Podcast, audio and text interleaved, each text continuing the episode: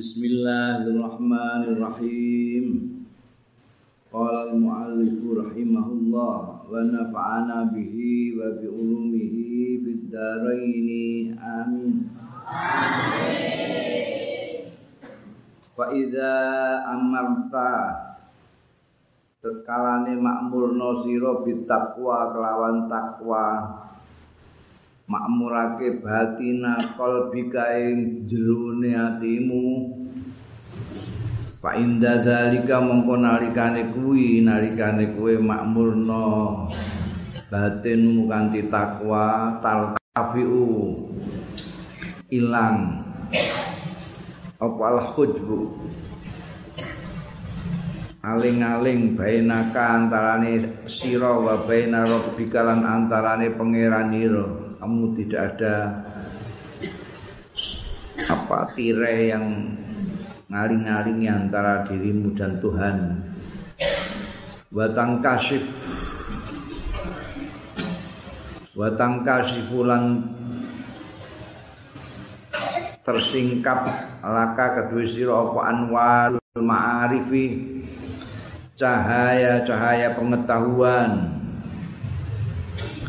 watah jurulan memancar mingkol bika. Saking ngatira apa ya nabi ul hikami? Apa sumber-sumber hikmah sumber-sumber kearifan kebijakan? Wa tandahu laka asrarul mulki wal kan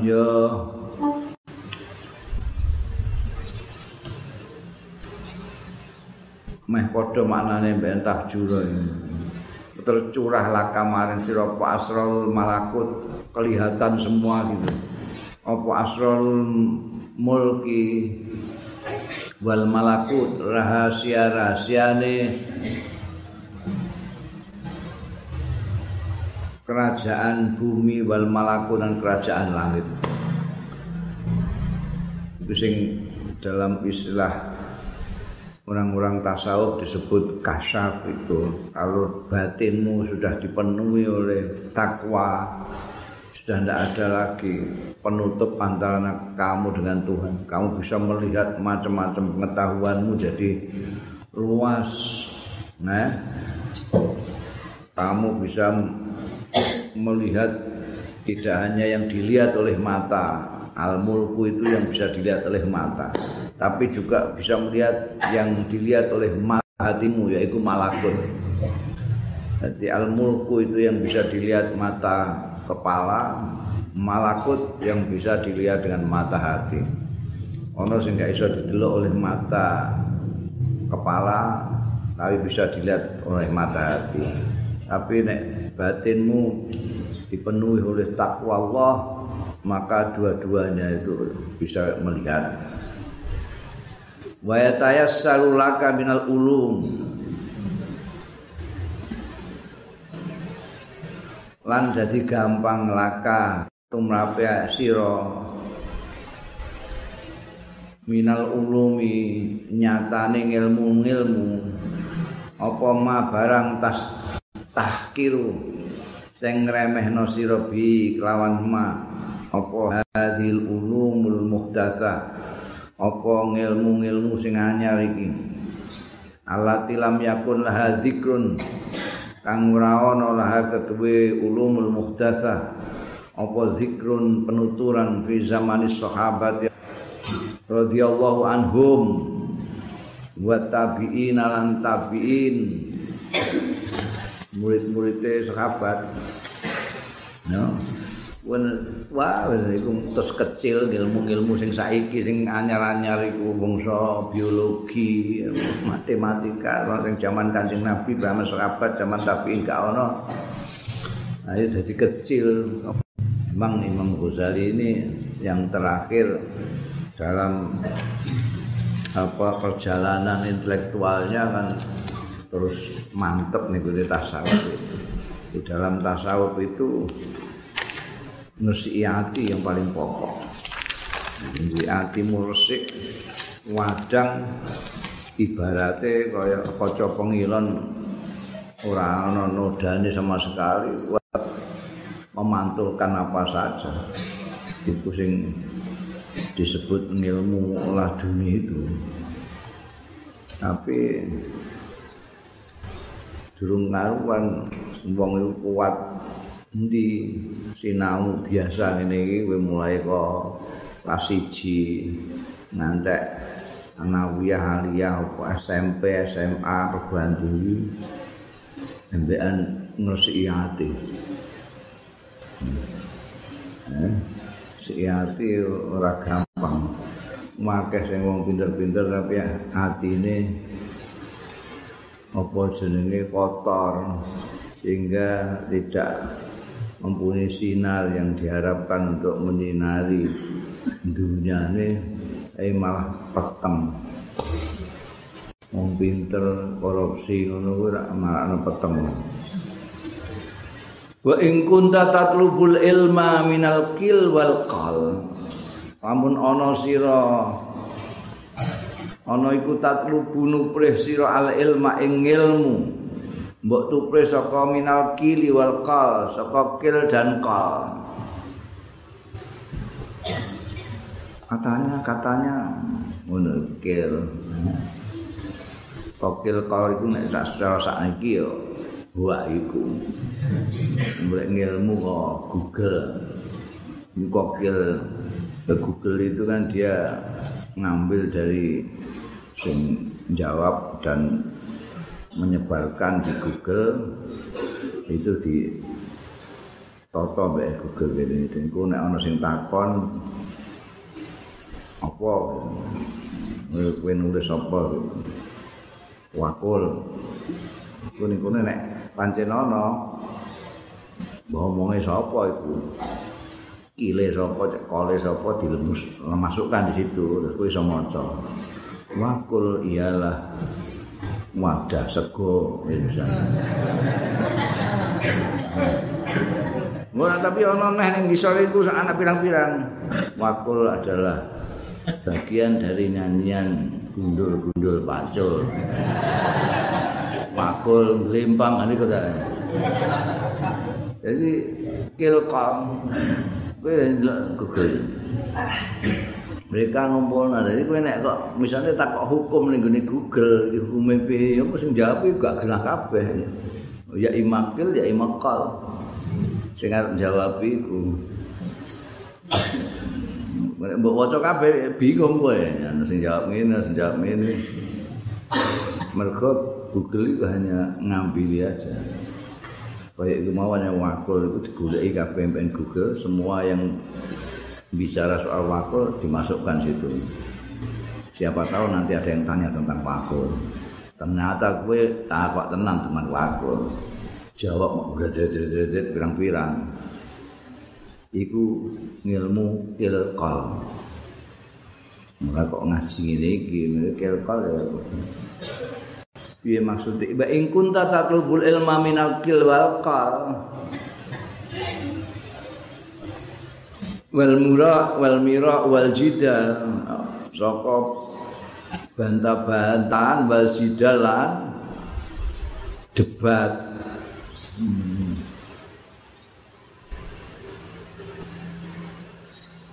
nek cara saiki al mira wal jidal iku chatting chatting bahasane cah saiki jadi golek ilmu kok nganggo chatting Wah, kono muni ngene kuwi ngene. Mosok ngono sih? Oh. Iku ngilmu mirak wal jidal.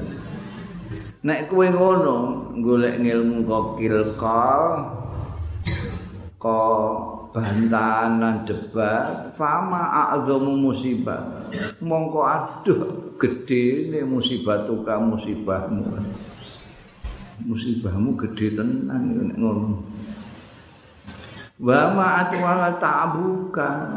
Aduh. Dawa temen tak buka. Suwe temen tak buka. Keselmu. Kesel. Wa ma adzam khirmat wa ma adzam khirmanuka. Mongko aduh gede temen firmanuka terhalangmu tidak mendapat apa-apa dari Tuhan. Wa khusranuka lan kerugian ira. Pak Mal mongko ngamal sira masih taing barang kang karep sira. Pak inat dunya mongko sedune dunya alati tatlubuha. Kang goleki sira ing latin dunya bidini kelan agama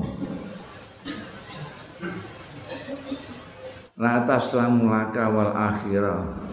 Menyerahkan ya dunya laka marang sira. Wal akhirah utawi akhirat iku taslubu mingka iku mentabut ya akhirat ming tercerabut mingka sira. Paman tolabat dunya mongko sapane sing golek ya man adunya ing dunya bidini kelawan agama. Khosirahuma mongko rugi ya man dunya lan din sekali jami'an secara keseluruhan. Kabeh. Ya. Kowe ngilmu saka ngono-ngono iku mau terus kowe ya nek sak karepmu lah nek kowe meh pancene ngamalmu kanggo kepentingan dunia iki mbok ijoli agama wis dunia ora kena akhirat ilang. Wong sing golek dunia dengan agama titeni ae. Golek agama ngan golek dunya nganggo agama. Iku piye golek wong belajar agama suwe-suwe sampai pinter ra karuan tapi tidak buat mencari akhirat tapi untuk mencari dunia cari jabatan dari pengulu tak jadi model jadi apalah ketua MUI urusan itu itu. Tidak tidak itu eh. Nek pancen belajar agama ya kanggo akhirat. Belajar agama kanggo dunya lah apa kan sekolah dhewe-dhewe ah apa sekolah kedokteran lah. Sekolah pembangunan. Apa ana sekolah dhewe-dhewe kepinginmu dadi gawe negeri DPR la ilaha illallah yo pakanan apa iya. Ana jalure dhewe kowe dunya kono sekolah dunya kono ah. Ora dunya wong pirang-pirang banyak bidang pengen dadi hakim sekolah hukum ana fakultas hukum kono. Pengen jadi arsitek sekolah teknik ini. lo belajar akidah dulu lek penggawean rugi kabeh rugi rugi kabeh. Eh rugi dunia rugi akhirat. Gue kan iso gue ngelamar eh? Apa tahu tuh mon gue nih gue minggu ini koran terus ana pengumuman? Di orang keluaran pesantren gak ono. Bila ora ono. Terus keluaran fakultas kedokteran bukse ngono-ngono kuwi ya. Jadi nek kowe santri pondok wis ora usah ngayal-ngayal dadi yo. Gawe dadi anu percuma rugi. Yo kalah kaset sampai sekolah-sekolah memang fakultas itu faknya itu kalah eh, ora diwarai ngaji mutakrib kepengin dan nambani wong bae suwuk jenenge. Mereka pengen nambani fakultas kedokteran. Ya terus ya wis akhirat ae wong wis ngaji ngaji akhirat. Khosirahuma jami'an. Wis ah. Rugi ke loro-loro ya agama ya dunya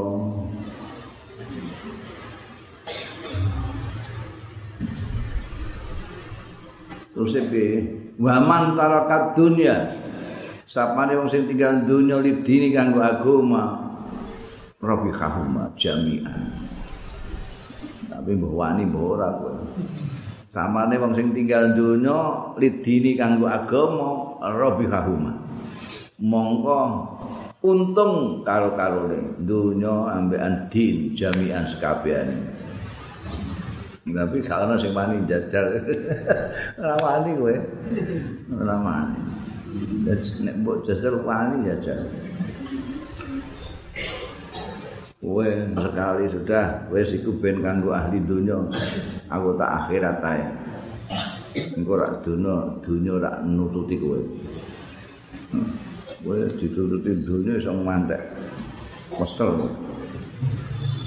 Wong dunya iku kelakuane ngono. mbok tututi dik mlayu. Tok menututi buantar, dik ini tambah buantar. Mulane wong sing golek donya ngos-ngosan. Ngos-ngosan.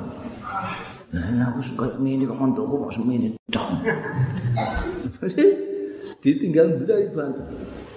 Tapi nek kowe sing mlayu, dik ini nututi. Nututi. Tapi mbak kowe ngandel mbak ora. Meskipun aku ngono iki wis contoh aku itu biyen ora terima nututin dunya wah ngantek. Omprengan iku tahu omprengan. Omprengan iku tuku mobil bekas jam telu wis mulai keliling golek penumpang. Kalau kon maghrib mulai ngitung duit receh. Ambek duit kumel-kumel itu awalnya bakul-bakul. Terus di ini bojoku terus noto kanggo kernet iki kanggo nek ban nek rusak-rusak iki kanggo onderdil nek rusak. Sing digumangan dhewe iki ndi? Ora kabeh wis guwenti dagang. Dagang yang dagang ono ku mbiyen asno ngompo rokok bareng rokok diutangi santri.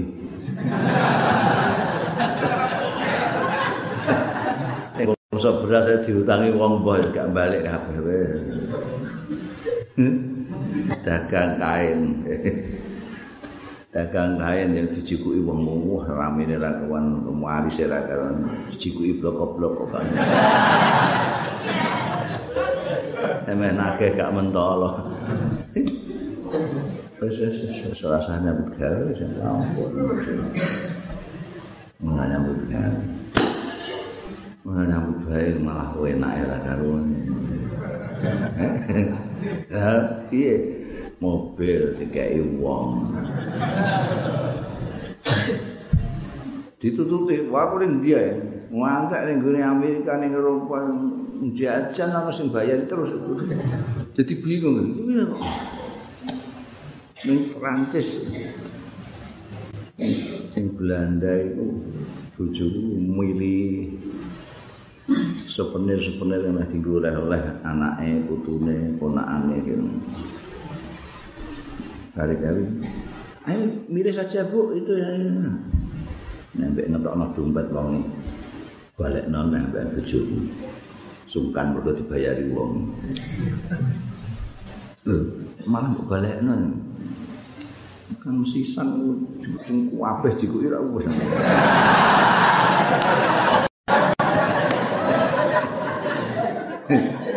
Bojoku iku isin neriman neriman dari sini.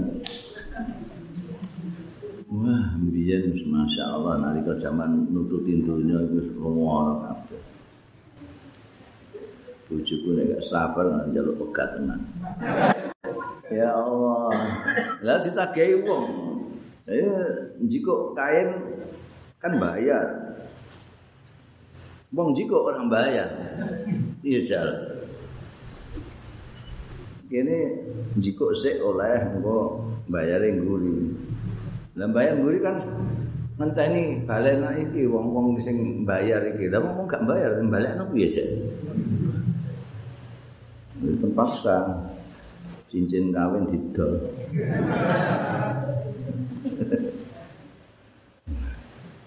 Saiki ngene iki menghindari dunia wangel ra karuan.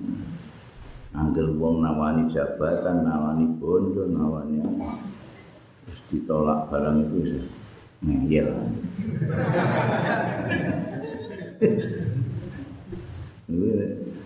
ngandel pola ambek aku dengan.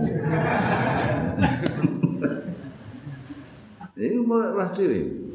Lha wong teko Jadi mondokake mobil. Mobil ora mobil cepet-cepet Alphard itu. Kayak mobil ini iku kepala polisi, mobil gubernur barang itu. Iki napa? Mondokake mobil. Pirang tahun, pirang tahun wis sak puase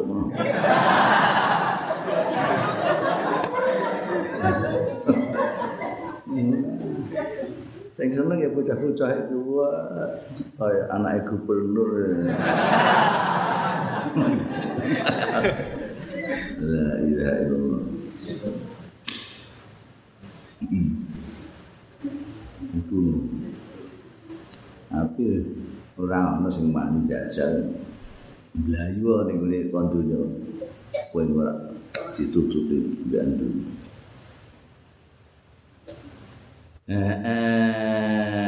Fahadi jumal hidayah.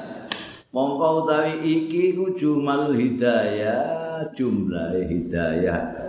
Ila bidayatit thoriq tumekane kawitane dalan. Fi muamalatika ing dalem muamalah ira. Ma Allah taala satane Gusti Allah taala. Bi adai awamirihi lawan nekani nekaake melaksanakan perintah-perintah Allah. Wastina binawahihi lan ngedoi larangan-larangane Allah. Yo. Iki mana diarani bidaya ini enggak karena kamu masih akan nanti itu menuju ke jalan bagaimana muamalah dengan Allah Ta'ala yang sebenarnya dimulai sekarang dengan bidaya atau hidayah boleh diwarai bagaimana sholat, bagaimana poso, bagaimana zikir, tapi itu itu baru kawitan nanti apa namanya akan di hadapanmu akan ada jalan menuju muamalatullah hubungan dengan Gusti Allah. Sudah disampaikan semua. Wa usyiru alaikal an lan nuduhake sapa ingsun alaika ing atase sira al ana saiki. Bijumalin kelan sejumlah minal adabi saking tata krama etika. Litu akhidu nafsaka supaya nyandak supaya nafsaka biya ngalap sira nafsaka ing awak dhewe biha kelawan adab supaya kamu pakai sendiri untuk keperluan dirimu fi mukhalatatika ing dalem pergaulan ira kumpul ira ma ibadillah taala sartane kawula-kawulane Gusti Allah taala. Wa suhbatika kan kekancan ira ma'ahum sartane ibadallah di dunia yang dalam dunia berikut ini nanti ada sejumlah tata krama etika-etika bagaimana kamu nanti e, kalau bergaul dengan sesama hamba Allah gimana seharusnya kalau kekancan mereka di dalam dunia ini hmm? Al qaulu fi adabi suhbah utawi pembicaraan. Fi adabi suhbati ing dalem tata kramane kekancan wal muasyarati lan pergaulan ma'al khaliqi satane sang pencipta azza wa jalla wa ma'al khalqi lan sartane kawulane Gusti Allah. Khalqiku nek ninggone kalangan tasawuf selalu dimaknani manusia senajan makhluk Gusti Allah macam-macam tapi yang dianggap makhluk yang sesungguhnya itu adalah manusia. Kenapa? Karena manusia sing diangkat Gusti Allah Taala menjadi khalifahnya di muka bumi. Jadi nek kowe maca ning eh, kitab-kitab tasawuf muni al-khalqu al-khalqu itu maksudnya manusia. Jadi iki maknane pembicaraan kita sekarang adalah etikanya pergaulan dengan Allah secara vertikal dan dengan manusia secara horizontal sana sini.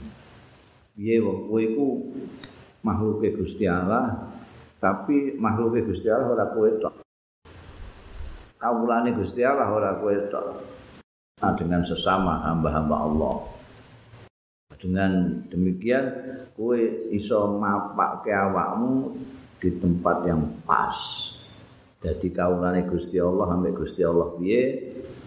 Jadi kaulane Gusti Allah dengan sesama kaulane Gusti Allah itu piye? Iklam anna sahibaka alladzi la yufariquka fi khaddarika wa safarika wa naumika wa iqaddatika bal fi hayatika wa mautika. Huwa rabbuka.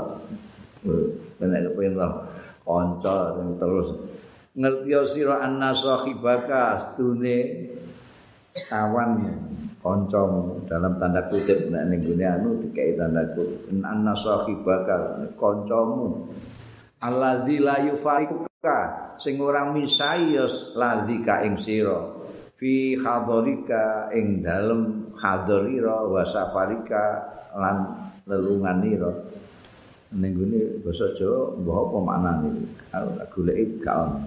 Ning bahasa Arab iku ana safar ana hadar hadar iku kowe ning omah safar ning gone lelungan kowe nek ning safar kena jamak salat tapi nek ning hadar tau lah. Iku apa nek cara Jawa ne apa hadar itu ning omah ya gak cocok wong kowe ora ning omah lah ya hadar njaba omah tapi ora lunga iku hadzal apa? Ya paling tidak dalam perjalanan Mana nih bi? Fi khadorika ing dalam tidak perjalananmu. Wa safarika lan perjalananmu kan gak enak. Ngopo khador itu apa? Cara Jawa nih. Gak orang Jawa. eh? Ya Indonesia, Indonesia ini beda. Fi hadarika di ya, kondisi tidak pergi wa safarika dalam kondisi pergi. Wis pokoke kowe paham ra wis.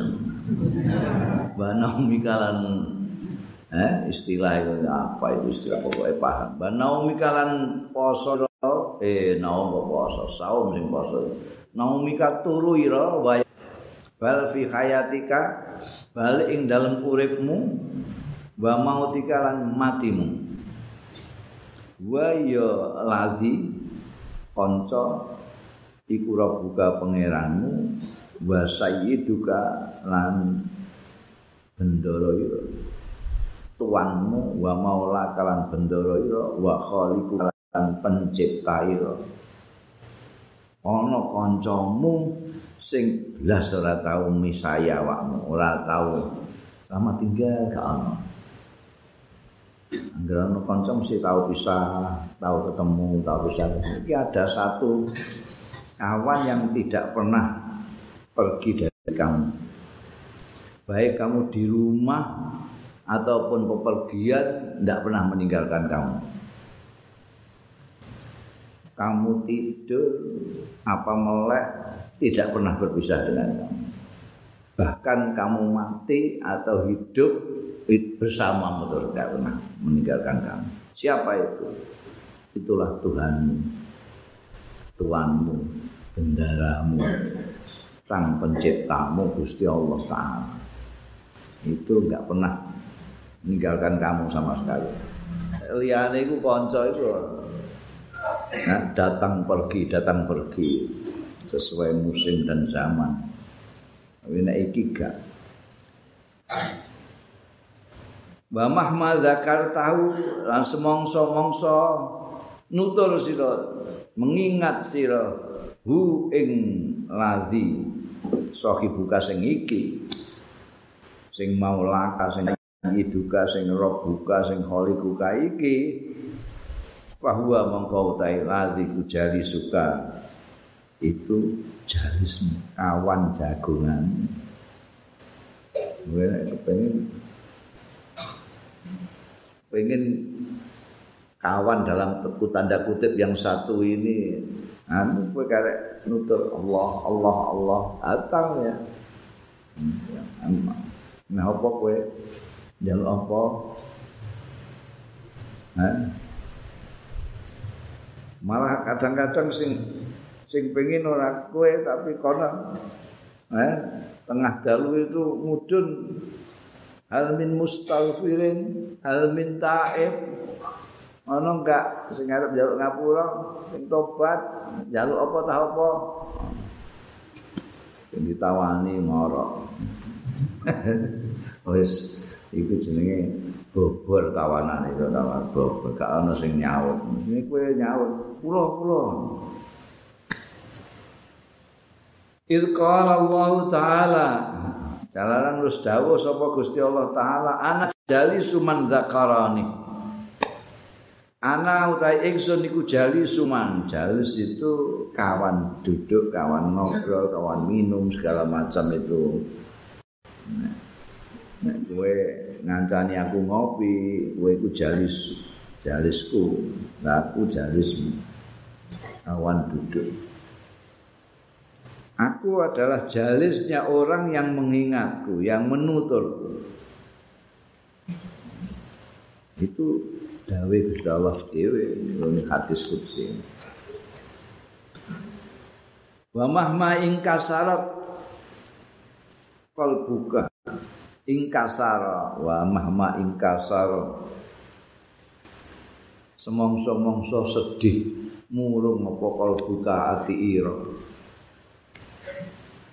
kusnan nglawan sedih tenangan.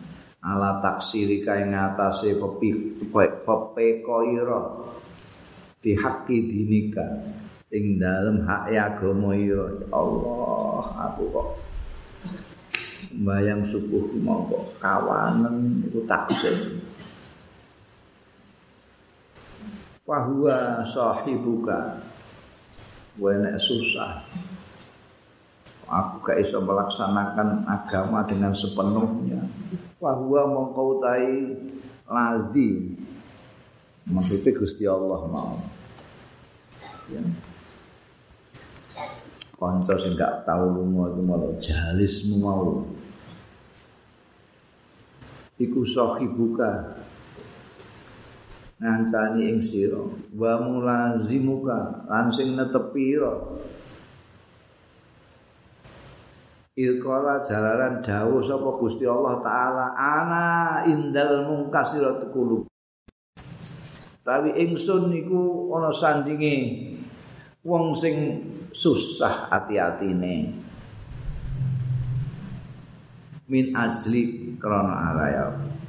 Min asli krana arah ingsun. Jadi nek kowe kok umpamane kok abut banget ameh nglakoni perintah-perintah Gusti Allah. Abut ameh ngedoli larang ngedoli larang-larang ya Allah. Kowe to susah banget. Ya Allah iki kapan aku dadi wong saleh iki?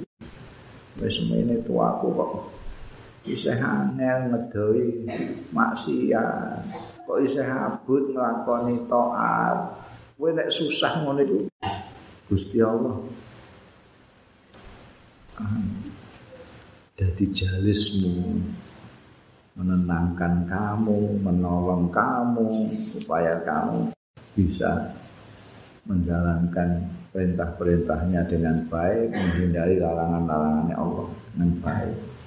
Hmm. iku maknane ana indal mukasirat qulubuhum min ajli Iku tanda kutip iku dawuh Gusti Allah dalam hadis qudsi. Ana indal mukasirat qulubuhum min ajli itu tanda kutip. Tanda kutip tutup mulai ini saka ana itu.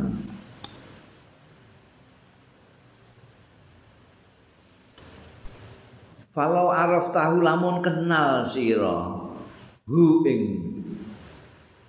Rabbuka sayyiduka kanca sing ora tau meninggalkanmu itu mau. Rujuke mbok rujakno ning gone sapa lah? Allah ya kena ning gone Allazi mau ya kena ning gone sayyiduka ya kena ning Rabbuka ya kena ning Khaliquka ya kena. Ini maksudnya Gusti Allah. Nek kue mengenalnya hakko ma'rifati kelawan sak bener-bener mengenal.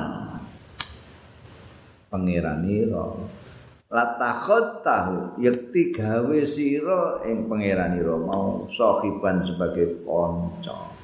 Wa tarok talan tinggal sira annasa ing manusa janiban. Di iku kamu tinggal kamu sisihkan janiban itu mbok mbok kiwa lah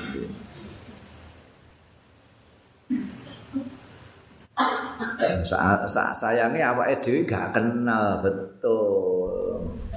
Ora kenal. Sing ngono iku wong sing sok-sok kenal ambekan pangeran. Wong nek kuwe kenal tenan, kuwe kenal karo Gusti Allah tenan. Hak makrifatihi.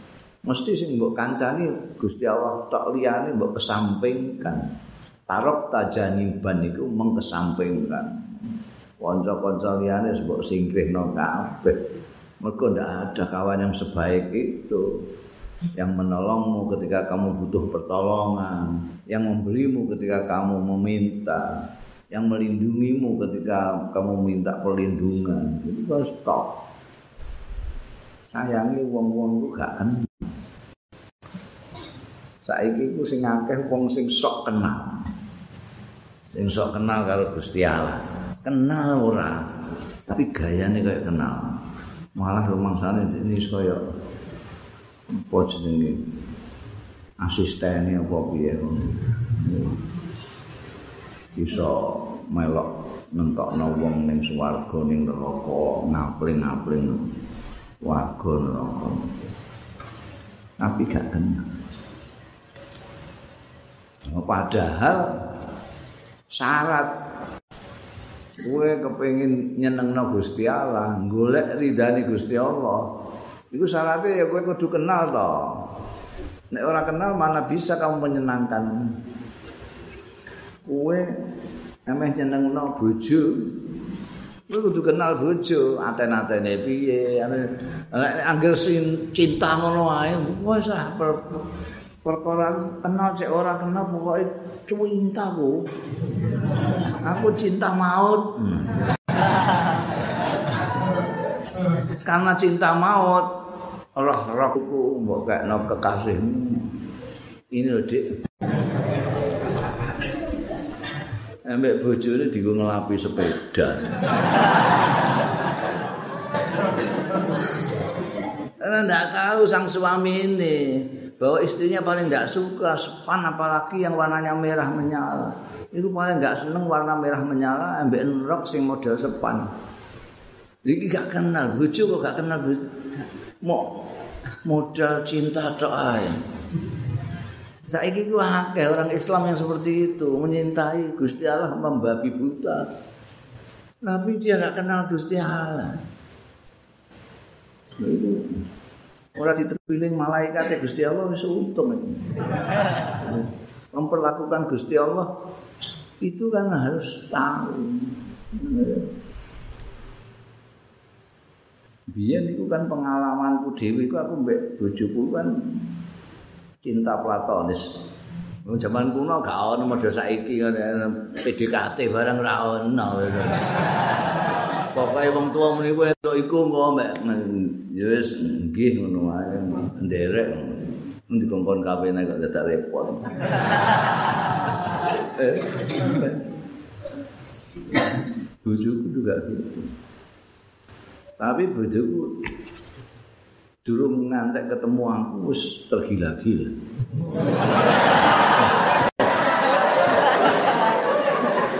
Lho soalnya apa?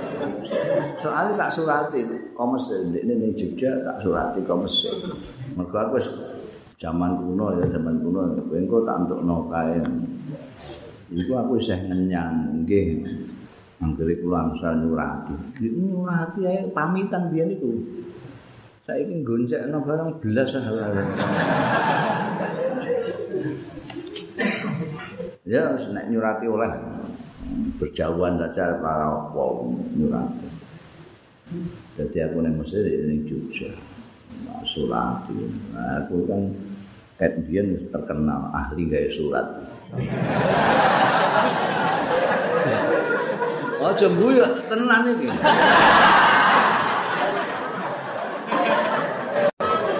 Oh ya, aku di kanca ning Sulawesi kono. Buyai gede saiki. Sama simbien ning Mesir iku cukup-cukup mara ning kamarku njaluk tulung. Mas. Sampai katanya itu pintar nulis surat. Terus bagaimana? Nah, ini saya itu naksir tetangga saya. Di kampung saya sana itu, buat tolong disurati. Terus dikandakno jenenge sapa anu perkenalan. Angka surat dibual sepenenge ra karo. Surat iku ora dibuka. Roh sing kirim sapa langsung digawa ning kamarku. Mas dibalas Mas.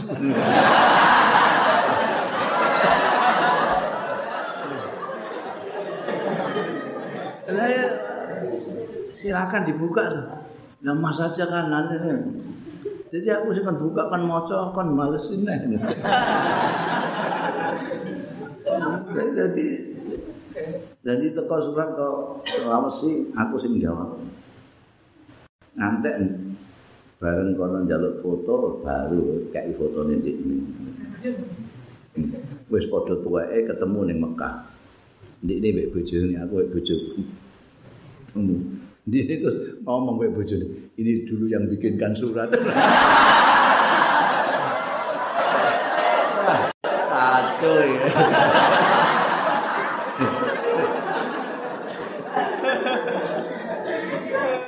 Alhamdulillah wong saya udah tadi gue ngecek gue nanti kono tak pas nih suara sih tak kayak alamat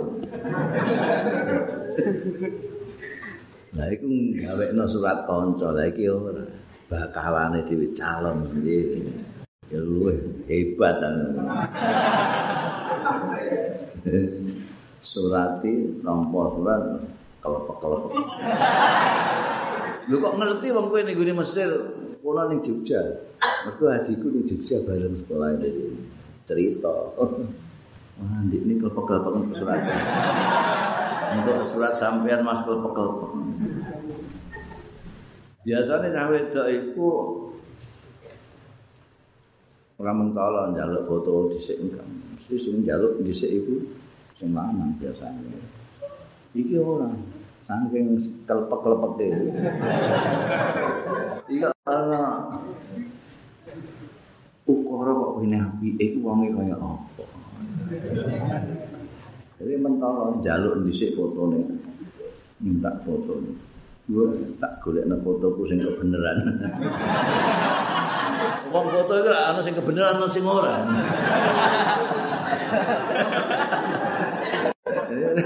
Kadang-kadang wong ganteng kok ketok elek. Ana sing elek ketok ganteng ngono iku kebenaran ini. Kirim foto sing kebenaran. Wah, tambah gak karu-karuan ini. Wis cekae cerita gak katam-katam kok.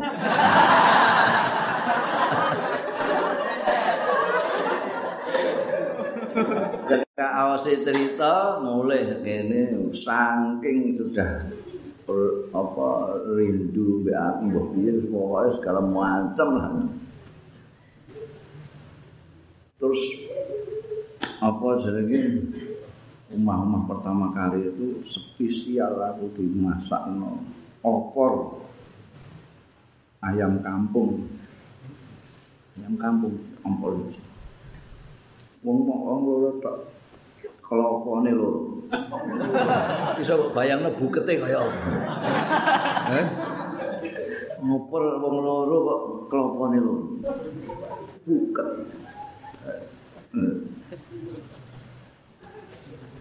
Kali kali mau tak icipi sak sendok. Nangis. Nangis tenane kok nangis wadul karo maratuane wedok alias mbokku.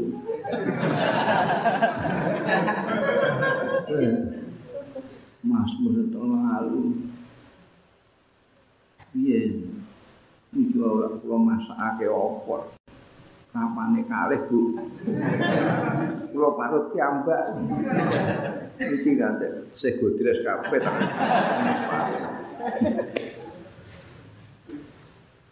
resepe saking femina mau dicipi mau sak sendok ibuku tuh guyu ya kowe iki ra takon-takon sik. Ora tangan bojomu paling gak seneng. Duduh sing ana santene gak seneng. Kalau mbok sambelno jeruk ngono segamun entek sak paket. Tenang dijajal sambal jeruk. Hmm. mangan kuakeh tenang terus sambal jeruk terus.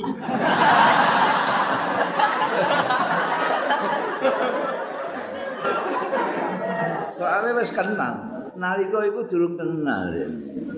orang itu harus kenal. Cintanya kayak apapun kalau tidak kenal itu bisa ngono mau kejadian senang dhewe Kamu menyintai Allah juga gitu. Semangat nemen menyintai Gusti Allah, aku percaya. Ngantek ngono kok kowe buatuk ngantek witenge ngono kok. Iku saking sepintamu mbek Gusti Allah to. Tapi kowe kenal ta ora di Jane kepengin nyenengno aku, tak pore iku. Masa apa ora ndak nganggo resep femina bareng ngono.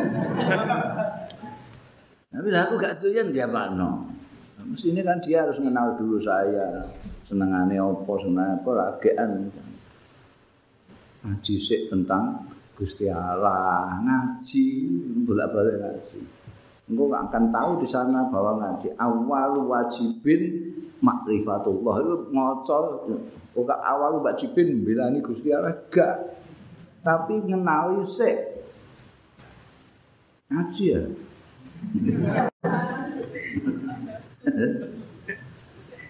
Iya. Kalau araf tahu hakka ma'rifatihi la takut tahu sahibah. Wes mbok tinggal nek kenal tenanan ya koyo sufi-sufi itu wis ora peduli mbek wong. Gak peduli. Eh, tapi ya wong ndikne koyo sapa Rabi'ah dah Rabi'ah al-Adawiyah. Rabi'ah al-Adawiyah al orang apa itu? Putri mulia dari Basrah itu. Itu itu ini abad pertama. Orang sufi perempuan. Karena cintanya mbak mbak Gusti Allah Taala sedemikian rupa itu tokoh-tokoh ulama besar sing sing ngelamar itu. Ulama-ulama besar ngelamar beliau. Aku wis aku wis kekasih maaf ya. Tidak menerima lagi lamaran orang. Lain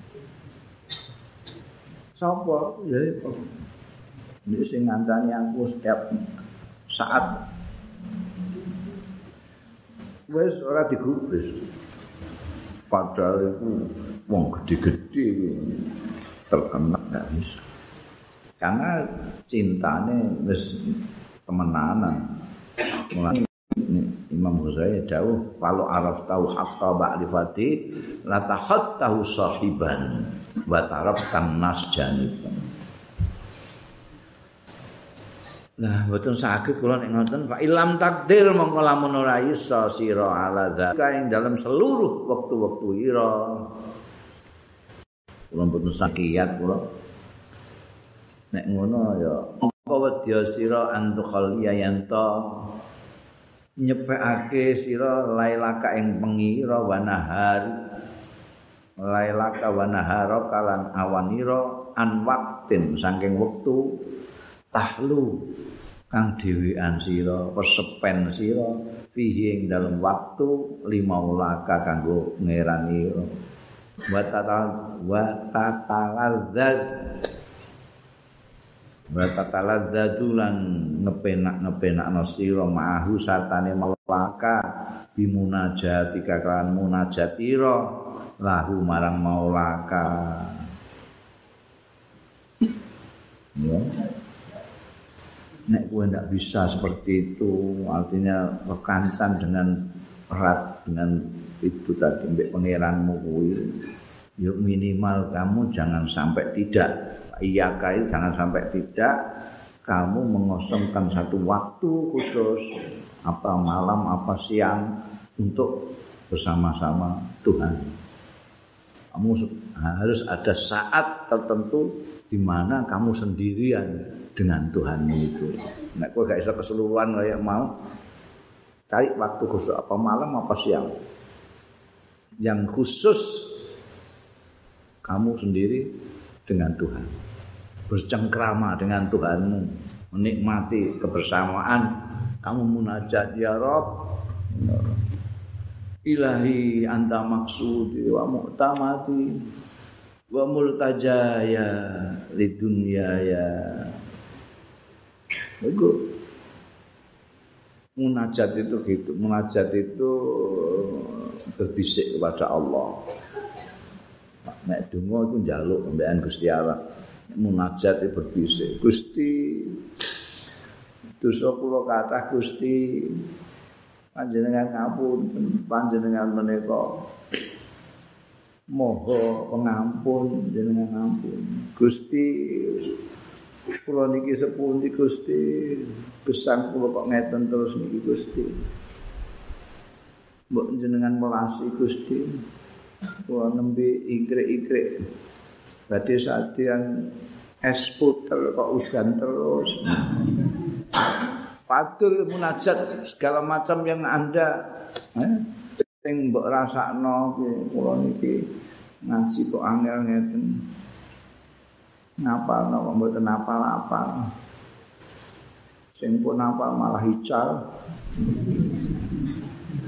anda cari satu waktu tentukan waktu di mana kamu bersendiri dengan Tuhan sing paling anu ya Ramadan ini Ramadan gue bersendiri dengan Allah Maduno Ramadan Ramadan delok TV juga. Wong saben liyane Ramadan iso delok TV kok. Ramadan bareng iso delok TV kula apa? Terus kowe mbekan Gusti Allah yo kapan?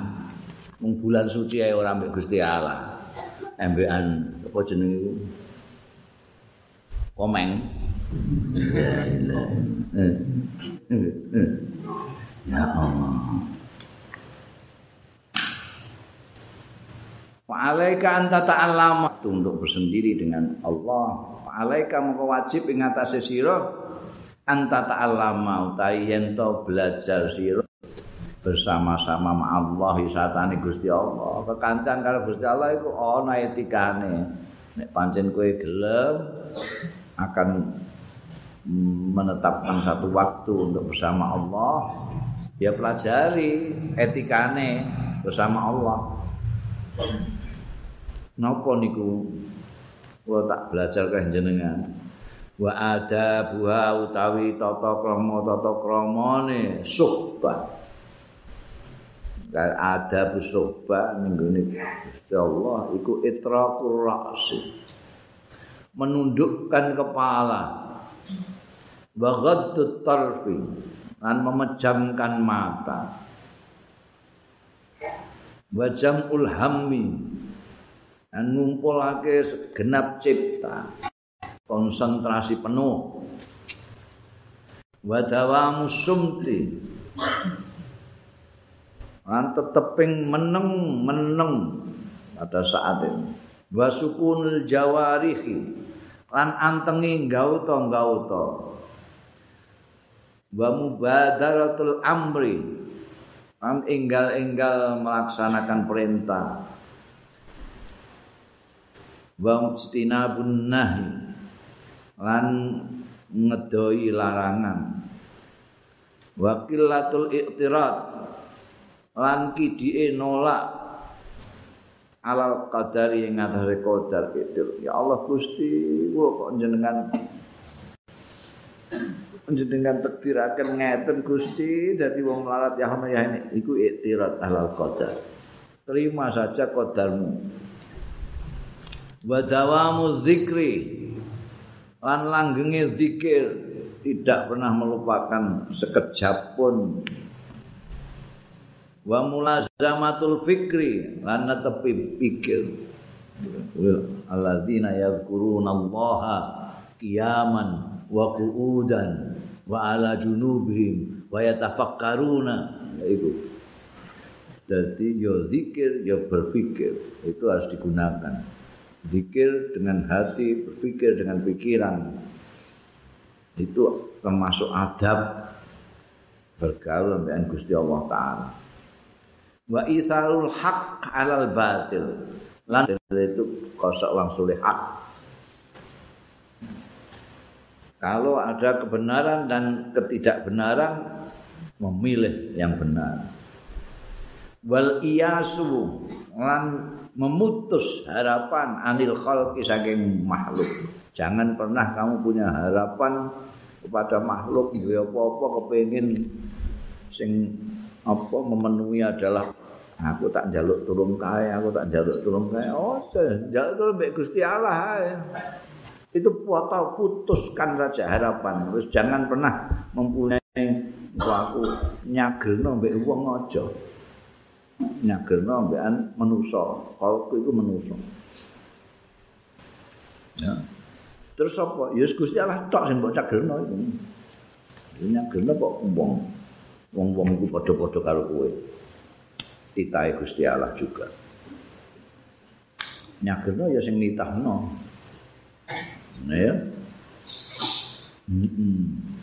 Wal khudu'u tahtal haibah wal inkisar tahtal haya. Lan dipi-dipi tahtal haibah di bawah wibawane Gusti Allah taala. Kowe kudu makane kudu kenal Gusti Allah. bolak balik muni Allahu Akbar tapi gak kenal gede ini Gusti Allah sepiro nek kowe kenal gede ini Gusti Allah wa rawani ndang sithik-sithik kowe kudu tahtal haibah wal inkisar tahtal haya an prihatin tahtal haya di bawah malu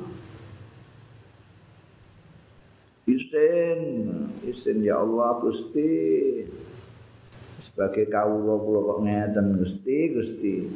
nyembah jenengan mawon boten tenanan jalukane wake ra karuan boten jaluk mawon panjenengan paringi tesih njolak jaluk mawon boten diisin wasukunu an khiyalil kasbi an anteng saking upaya-upaya golek gawe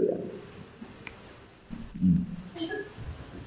iku saiki suwange ya Allah. Kon tengok-tengok anteng an khialil kasbi wong lagi metu ae lagi metu kok kuliah wis nggo map rono rene golek gawean.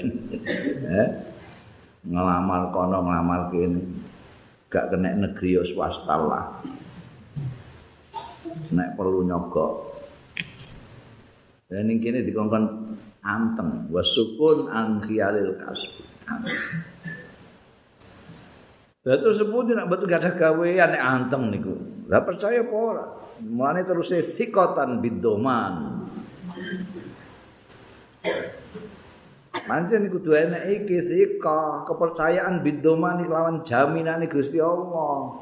Soale wong saiki ora ana sing percaya mek jaminane Gusti Allah. Gusti Allah kan sejamin. apa saja yang gegremetan dititahna Gusti Allah ya sing makani sing nguripi ya Gusti Allah Terus Gusti Allah, percaya apa ora? Orang orang gelibakan gak karu-karuan mergo gak percaya dengan jaminan Allah Taala. Dijamin Malah sing dituntut ora dilakoni sing dijamin digoleki. Kuwi itu kualik-kualik.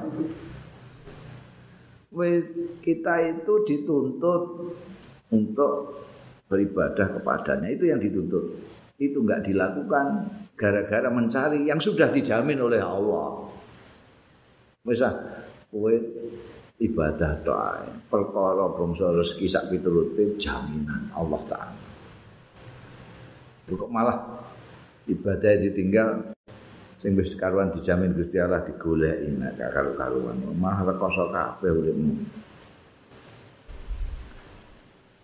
Wallahi ing atase kenal bi husnil ikhtiar kan baguse pilihane Gusti Allah. Hmm? Kita itu kadang-kadang apa jenenge tidak mengenal bahwa pilihan Allah itu yang terbaik untuk hambanya. Nah kita itu hambanya. Masa Gusti Allah memilihkan untuk hambanya yang terburuk? Tidak bisa. Gusti Allah memilihkan untuk kita yang terbaik. Cuma kita nggak percaya, nggak tahu.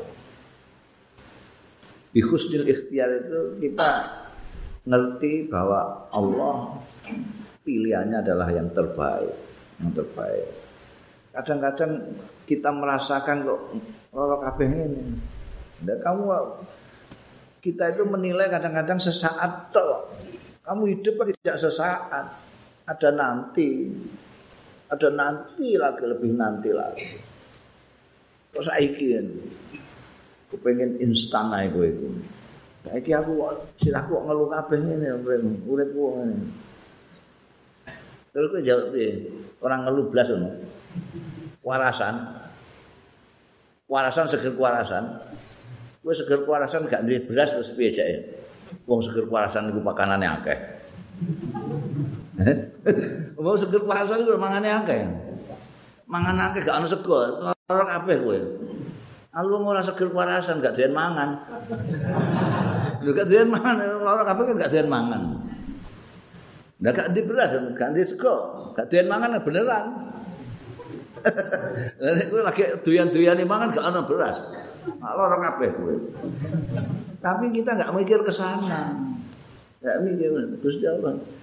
Lho kowe kok lemes aku lemes kabeh iki piye ya Allah. Lho kowe gak lemes. Eh dolan kowe. Ngelabak ning dinti kowe.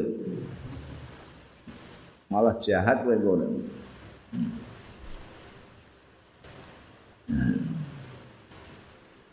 Itu dilerek ini, ngomong itu dilerek ini kantor niku, masya Allah di PHK kok. Eh, ya alhamdulillah kok di PHK, kok jadi bebas. Oh neng kono. Iki nek gak korupsi kowe. Nek jebul ngene korupsi apa kowe? Iki pokoke Gusti Allah memberikan pilihan. Kan kita menduga-duga to. Ya aku nek dadi pegawai negeri mesti enak iki. Sore iki lah apa urip ngono iki. Hmm, sesuk nang ibdas. Ya. Pilihannya Allah yang terbaik. Wa hadza kulluhu yang bagi yakuna syi'aruka wa hadza utawi iki kulluhu sakabehane iki yang bagi prayoga apa yakuna yen to ana hadza kulluh ana iku syi'aruka pakaianmu fi jami'il lail. Syi'ar itu pakaian dalam. Fi jami'il lailika ing dalam seluruh malammu wa naharika lan siang ira. Fa innaha.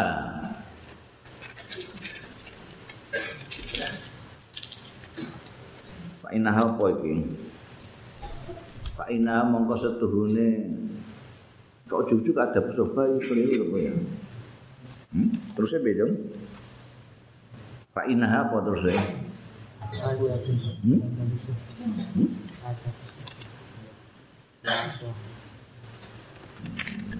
mungkin ana terusnya Pak Indah ini masuk gak ana terusnya? Itu apa kok Nah. Eh iya, mungkin dikai kurung barang lah apa? Kurung kan kan bab anyar nek kurung. Pak Inaha mau satuhune itu semua jami ulaika naharika nganggo syiar itu tadi semua iku ada busuhbah iku tata kramane kekancan bergaul bersama-sama ma'asahibin sartane kanca san sartane sebarengan layu farikuka sing ora misai ya sahib ing sira. Itu tadi mbek Gus Pangeran gak tau ngundang kowe sama sekali. Wal khalqu kulluhum utai manusa kulluhum sekabehane khalq iku yufarikuna mesti misai ya kulluhum khalqu ka ing sira. Fi ba'di auqatika ing dalam sebagian waktu-waktu ira ya. Itu tadi untuk sahib yang tidak pernah meninggalkan kamu. Manusia yang lain itu mesti meninggalkan kamu entah kapan. Bundel itu ora ana titike ora ana komane blas Wa ikun aliman lamun ana sira ana iku ngaliman ngalim nek kowe ngalim. Muga kowe dadi wong ngalim. Nah iki adabe nek kowe dadi wong ngalim. Wa ing kunta lamun ana sira ana iku aliman ngalim. Fa adabul alim mongko tai tata krama ning ngalim iku pertama al ikhtimal. Ihtimal itu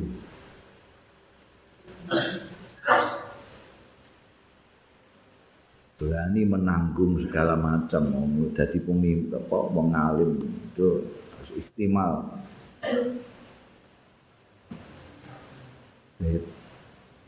Ono wong kowe wong sing duwe ilmu santrimu sing ngarep golek ilmu saka awakmu dadi kamu harus menanggungkan semua Jangan kok iki apa tak kok macam-macam goblok. Hmm. Lho ngene lho piye wong kowe iku emeh digoleki ilmune mbek santri kok goblok-goblok ya. Ya mergo goblok iku nyantri mbek kowe. Harus bisa ikhtimam. Waluzumul hilmi fil umur lan netepi hilm. Hilm itu lapang dada.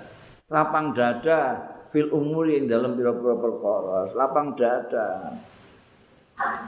Antri ini takok yang gak genah-genah ya ben kene kudu dadane kudu jembar. Kowe-kowe ngalim. Ngalim di ini santrimu kan orang ngalim. Kamu harus yang dadanya lapang. Ya maklum. Wong kampung. Potongane ada. Wes tak tampa ae. Fil umur yang dalam pira-pira perkara dalam apa saja diterima. Yang ketiga tata kramane wal julu subil haibah. Lenggah bil haibati kelawan wibawa. Ala simtil waqari ing atase bentuk yang anggreng ma'a itraqir ra'si sartane dingklokake sira. Hebat.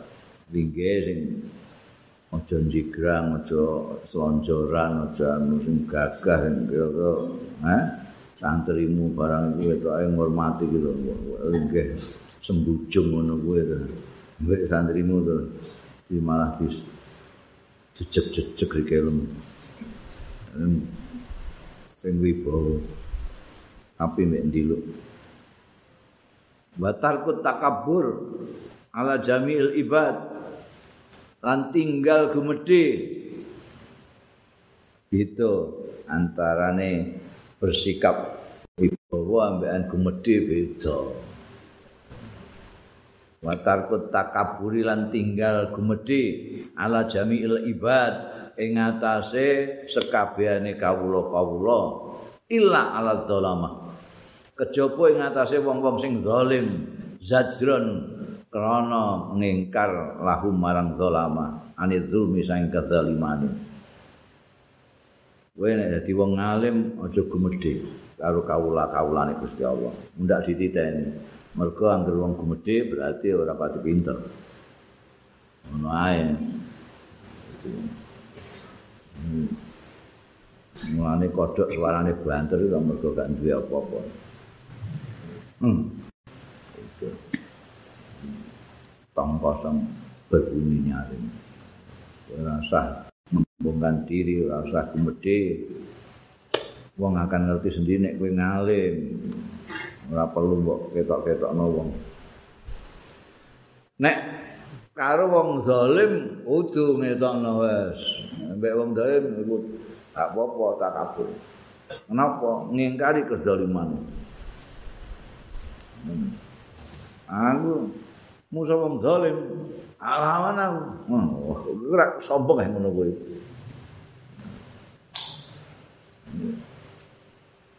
Tapi mergo zajran lahum anidzulumi bukan karena orangnya bukan tapi karena kezalimannya. Jadi kalau kezalimannya zalim nek dijalno ae wah dotro wa isaru tawaddu'i lan memilih tawaduk fil mahafili ing dalem persamuan persamuan wal majalis lan forum-forum. Majelis-majelis itu kamu memilih tawaduk daripada wah jika-jika kadang-kadang ono sing kepengin ngetok-ngetokno nek dene hebat kowe engko nek ngalim rasahmu tekane wayahe wong wis teko kabeh kowe lagi teko. Mbek nggawa pengawal pirang-pirang. Oh, oh, oh. Wah, usah sing tawadu, nek perlu wong gak roh. Nek kowe kok ngalim. Iku ning persamuan-persamuan banyak orang gak tawadu. Ora kok terus golek panggonan VVIP. eh wong golek ngarep dhewe. Endi kok gak ana tulisane jenengku. Pengen sing ditulisi ning kene. Oh. kiai haji itu ora usah. Anak ini tak enak awaduk. Batalkul hazri wa da'aba lan tinggal guyon wa da'aba ning gone makapil aja kakean guyon aja kakean bercanda. Warifku bil muta'allim. Lan lemah lembut sing alus bil muta'alimi kerawan santri sing belajar sing belajar iku aja kejem eh? Ngalu piye cung? Wis ngerti bolong eh? Iku izhar apa ikhfa apa ya duka kok duka to cung? Ngetos terus e ketua bok sisan jane aja ngono ngalus eh? Rifki itu ngono. Terus kudu nabok ban apa wa ta'anni bil muta'ajrif. Lan tamban-tamban ya sabar tenang bil muta'ajrif lawan wong kisah muta'alim sing muta'ajrif. Muta'ajrif iku sok ngono lho. Kowe takoke gayane. Ini kan begini Pak Kiai. Jadi orang mengatakan begini-begini, tapi saya ingin tahu bagaimana itu sebetulnya kan saya sudah mendengar itu pendapat-pendapat orang lain. Itu kan jenisnya gitu, metakok kok ngono. Takok mbek kiai ini umum betul karena itu mutarjih. Iku nek kowe sing dadi kiai ini ya sing tenang-tenang saja. Ya bagaimana bagaimana sudah Sudah. Belum bagai, belum masih. ya gue sing tenang aja ya, saya lanjutkan lanjutkan gimana maksudnya. Tapi ya kudu sabar pancene musuh muta'ajrif iki. Wa islahul balid bi husnil irsad. Lan matutake memperbaiki wong sing bebal, bebal itu apa? Dedel bi husnil irsadi kelawan baguse ngandani. membimbing. Dadi nek ana kowe engko dadi kiai, santri ana sing dedel diwara-warai kok angel. Hmm? ulaika ulaika ulaika ulaika ulane sing dawa ula dawa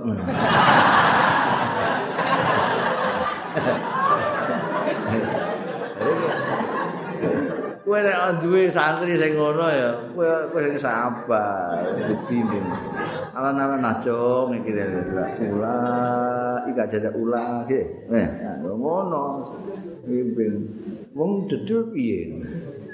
Wong dedul ora kaya wong biasa atau tidak orang normal wong jenenge dedel. Kamu harus sabar nek dadi kiai. Nek ora es kukut ae rasa dadi kiai. Dadi kiai kok gak sabaran. Wah, kalau kabeh pantri duwe dhewe ngene iki. Batalkul harat. No, batalkul harat. Tinggal muring-muring alaihi ngatasé balit.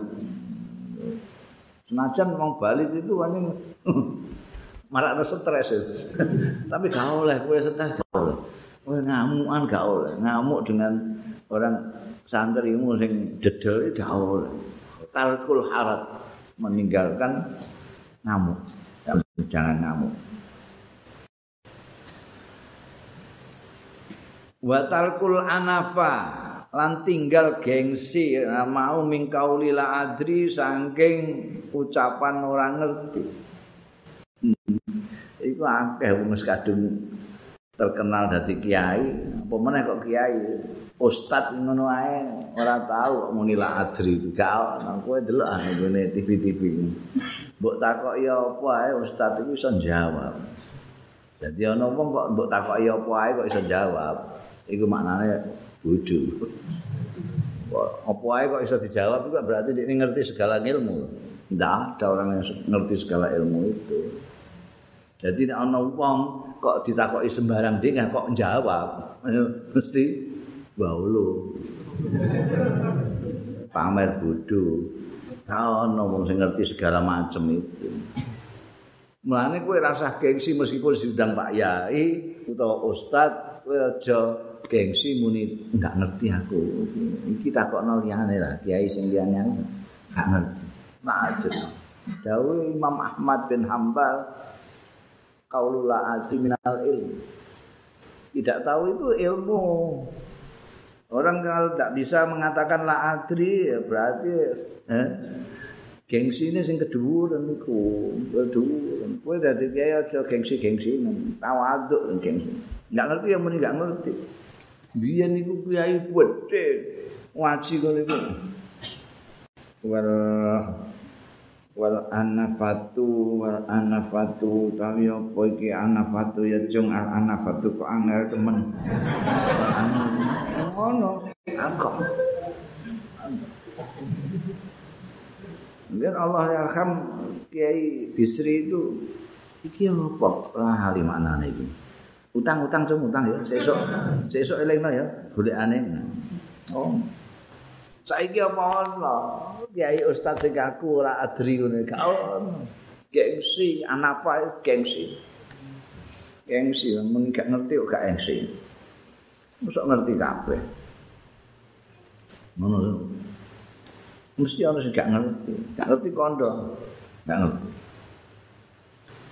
Wasalful himmah ila sa'il. Lan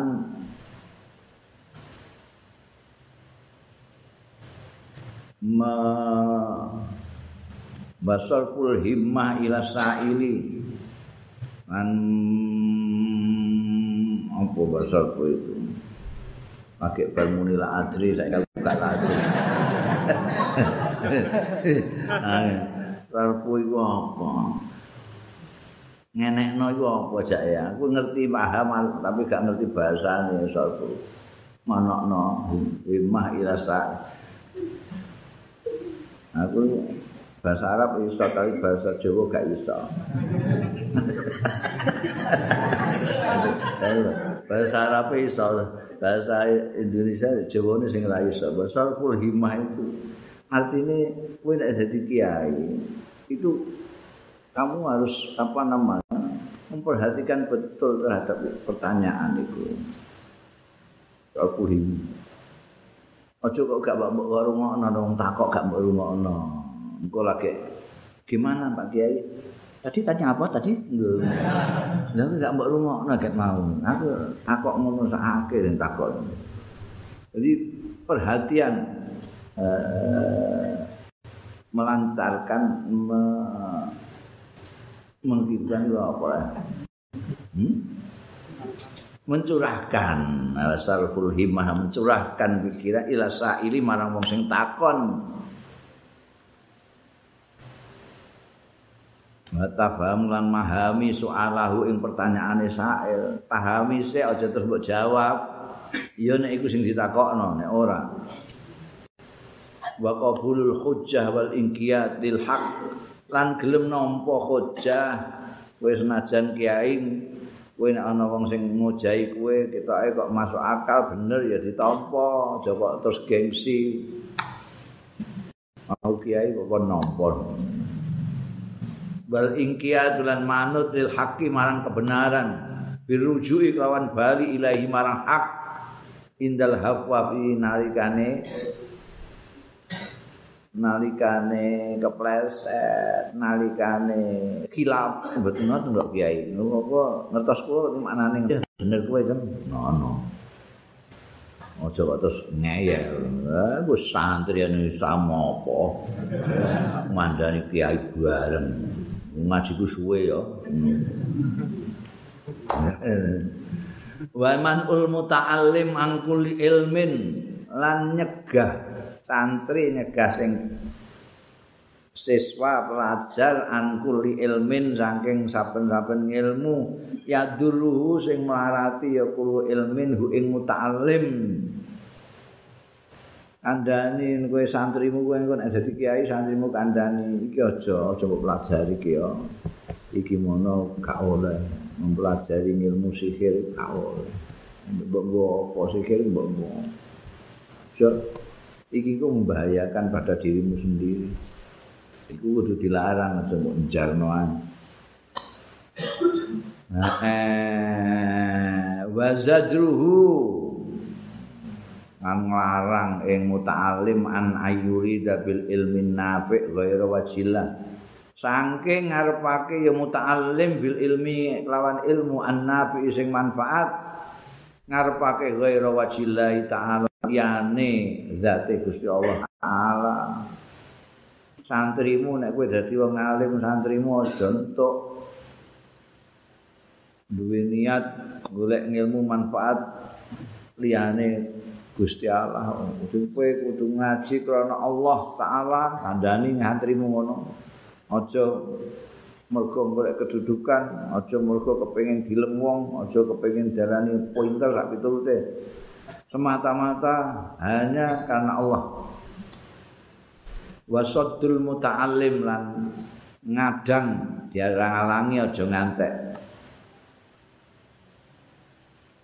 Ya ngadang aja ngantek.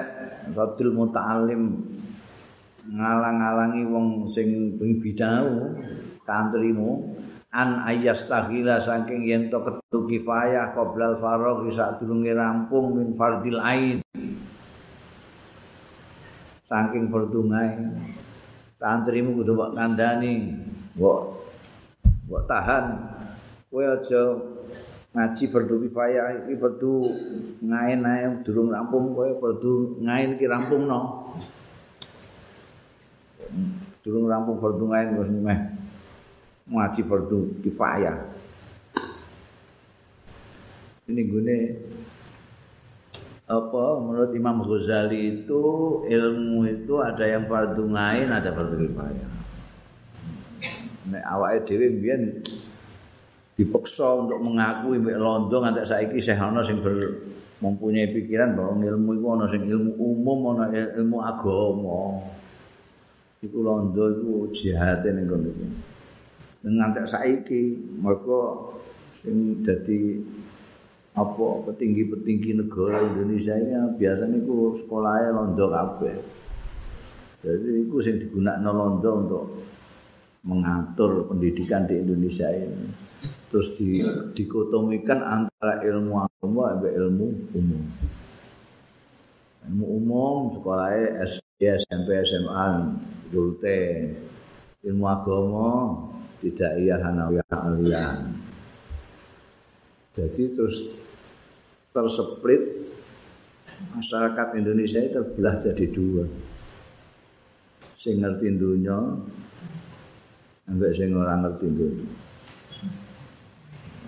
Mergo iki sing umum iki ngerti dunia ini sekolah bangsa teknik, sekolah hukum, sekolah ekonomi barang iki umum. Nah iki bangsa akhirat iki. Nah iki paling dhuwur iku Departemen Kementerian Agama lah iki lulusan iki. Nah iki iso ning dindi. Terus akhirnya sing kene ora ngerti agama, sing kene gak ngerti dunya. Ini madrasah pesantren ngerti ini akhirat, gak ngerti dunia. Sing kene ngerti dunia tok, ora ngerti akhirat. Akhirnya piye?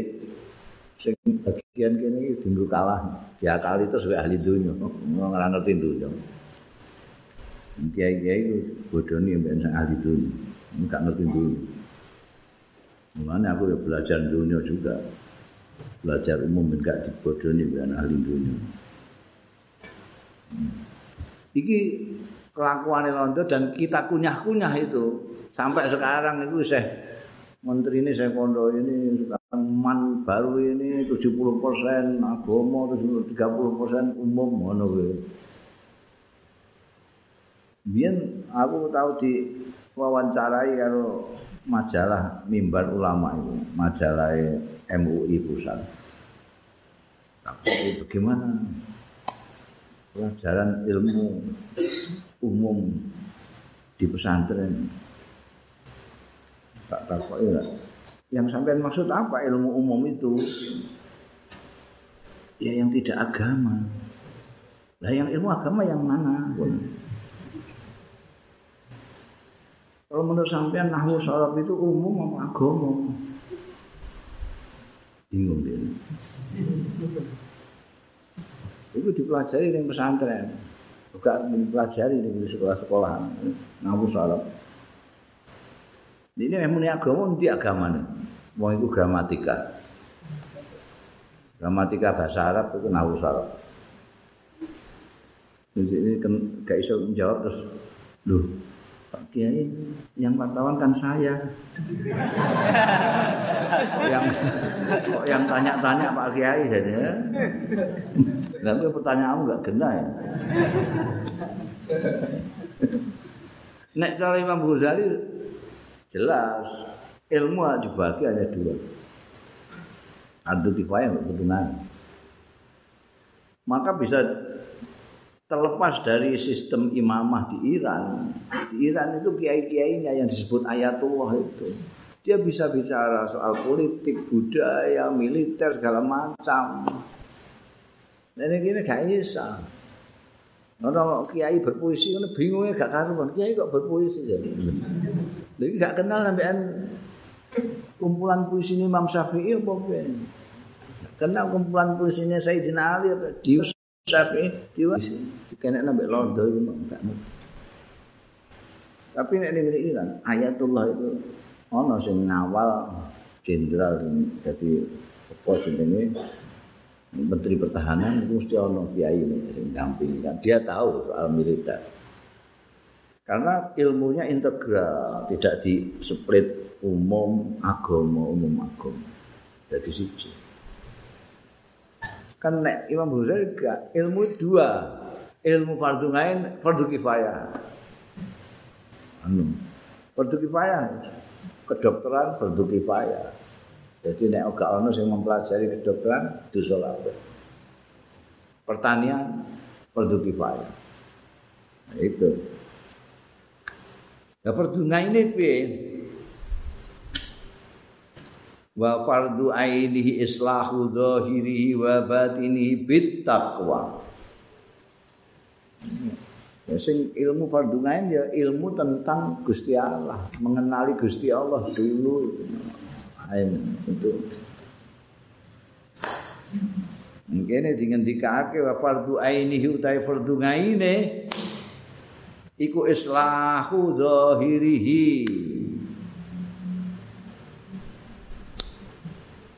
ini muta'alim iku islahu dhahirihi mato take lahiri muta'alim wa batinihi lan batini muta'alim bit taqwa kelawan takwa.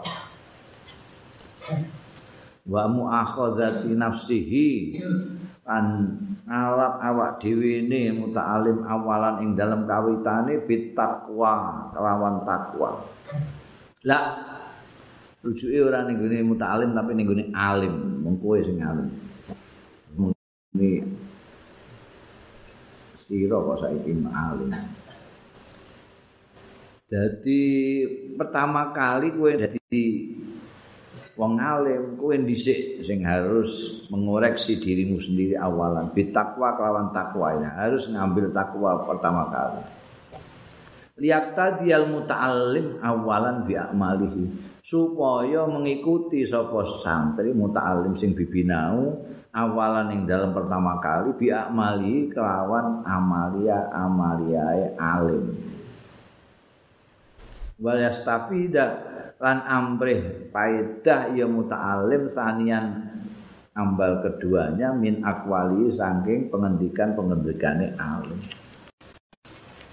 Jadi mulang ini santri-santri mungko itu kamu harus memulai dulu dengan ilmu fardu alim, fardu ngain dan kamu duluan yang harus melaksanakan. Jadi kalau takwa itu kamu laksanakan dulu supaya santri-santrimu mengikuti takwa itu gitu.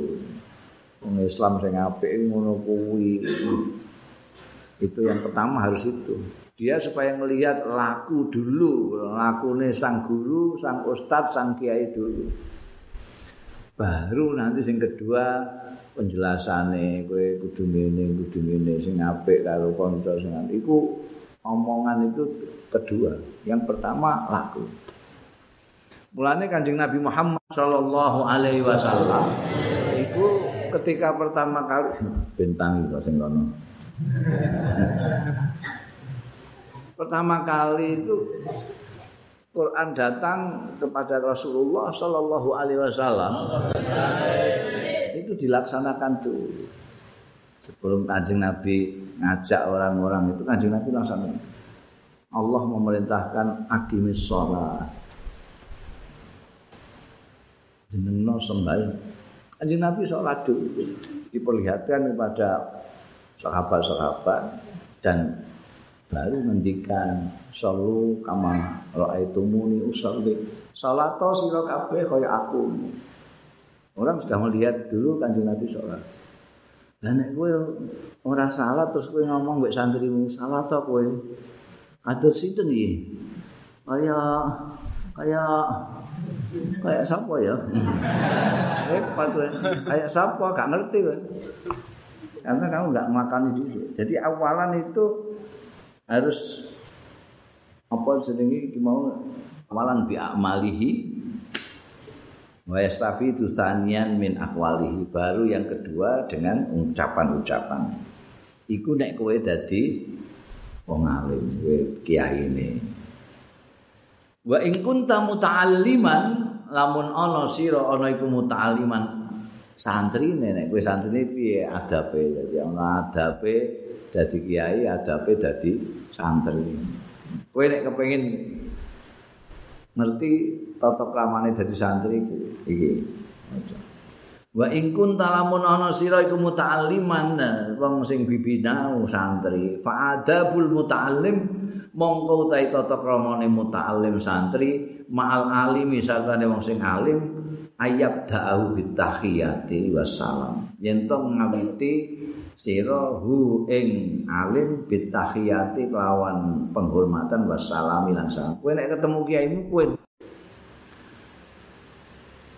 Wa ayu qallila baina yadaihi al kalam lan nyentong idikake ya muta'allim baina yadai ana ing ngarsane alim al kalama ing geneman aja geneman dhewe kowe nek aja geneman dhewe nek ning ngarepe kiaimu kowe madhep ning kiai kok omongan mbek kancamu dhewe.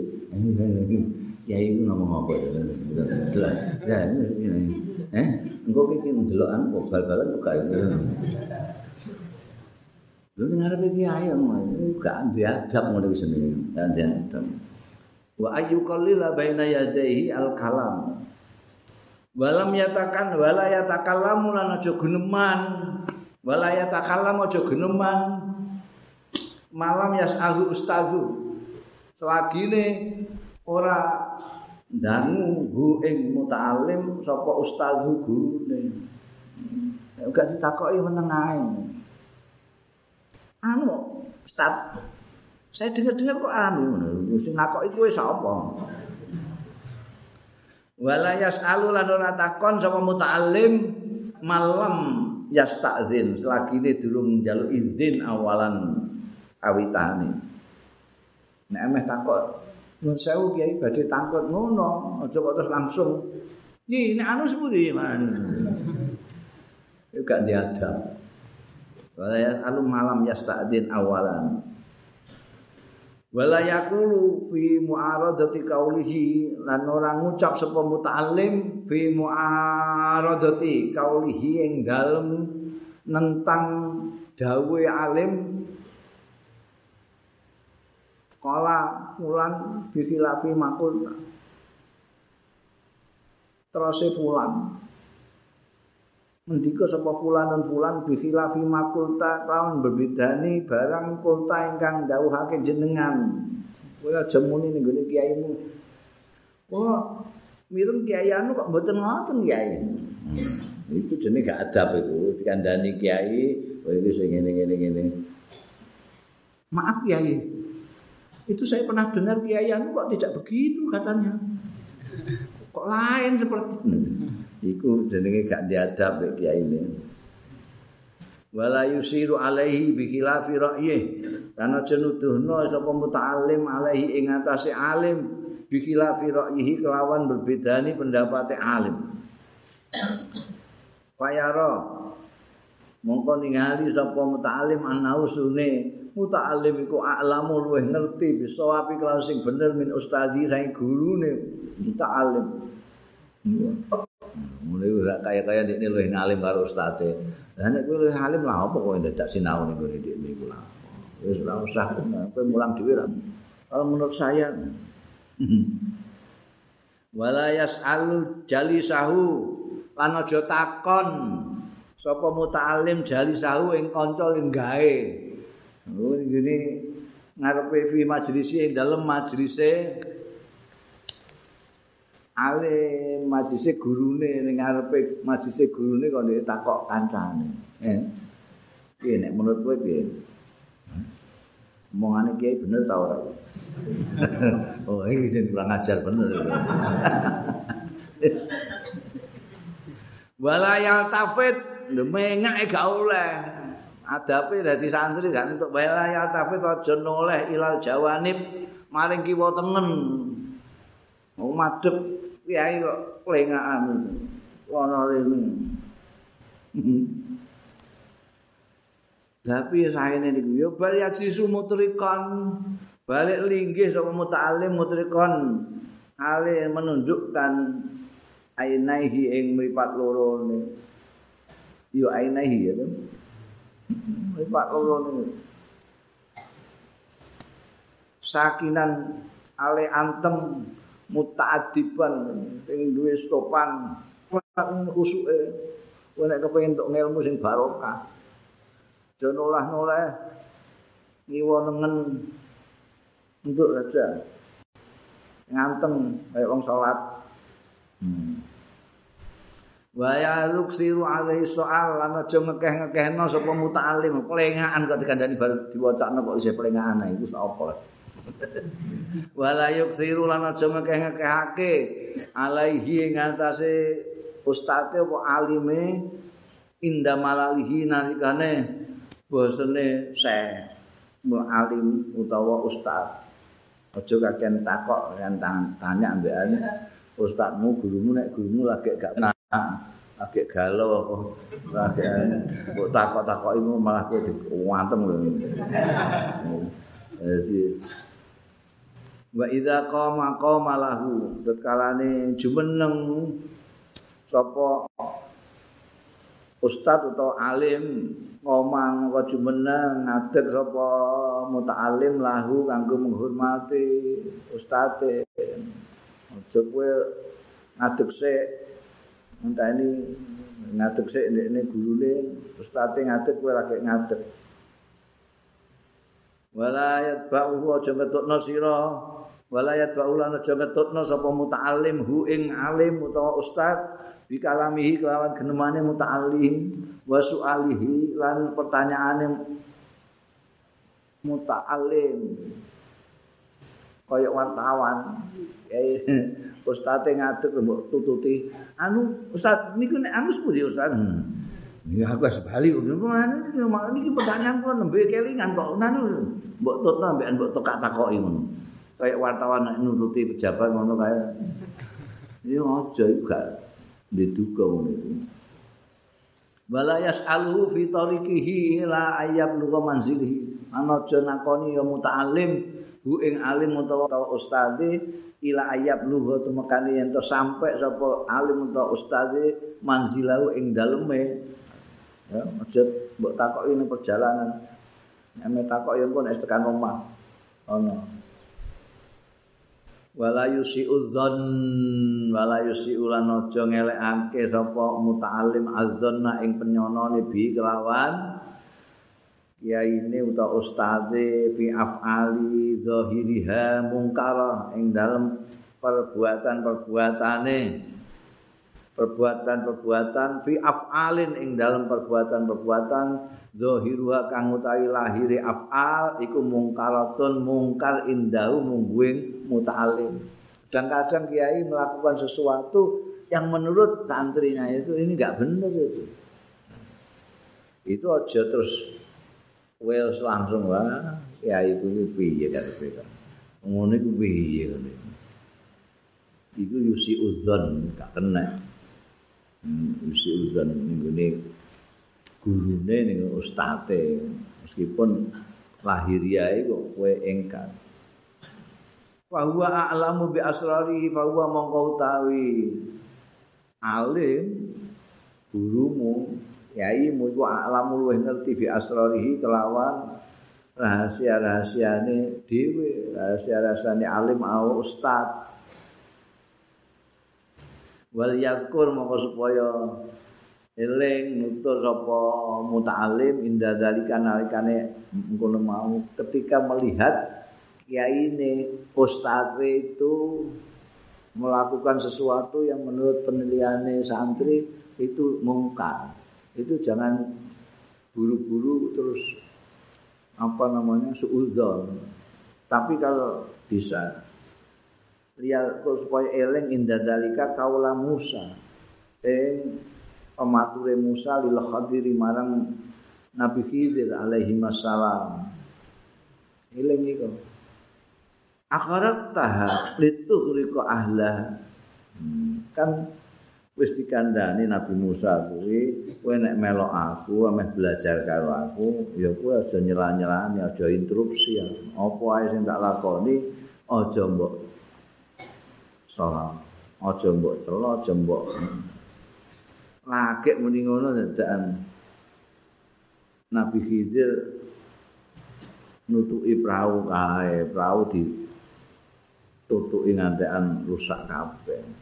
Nabi Musa enggak tahan nyawang lahiriah lakunin Nabi Khidir.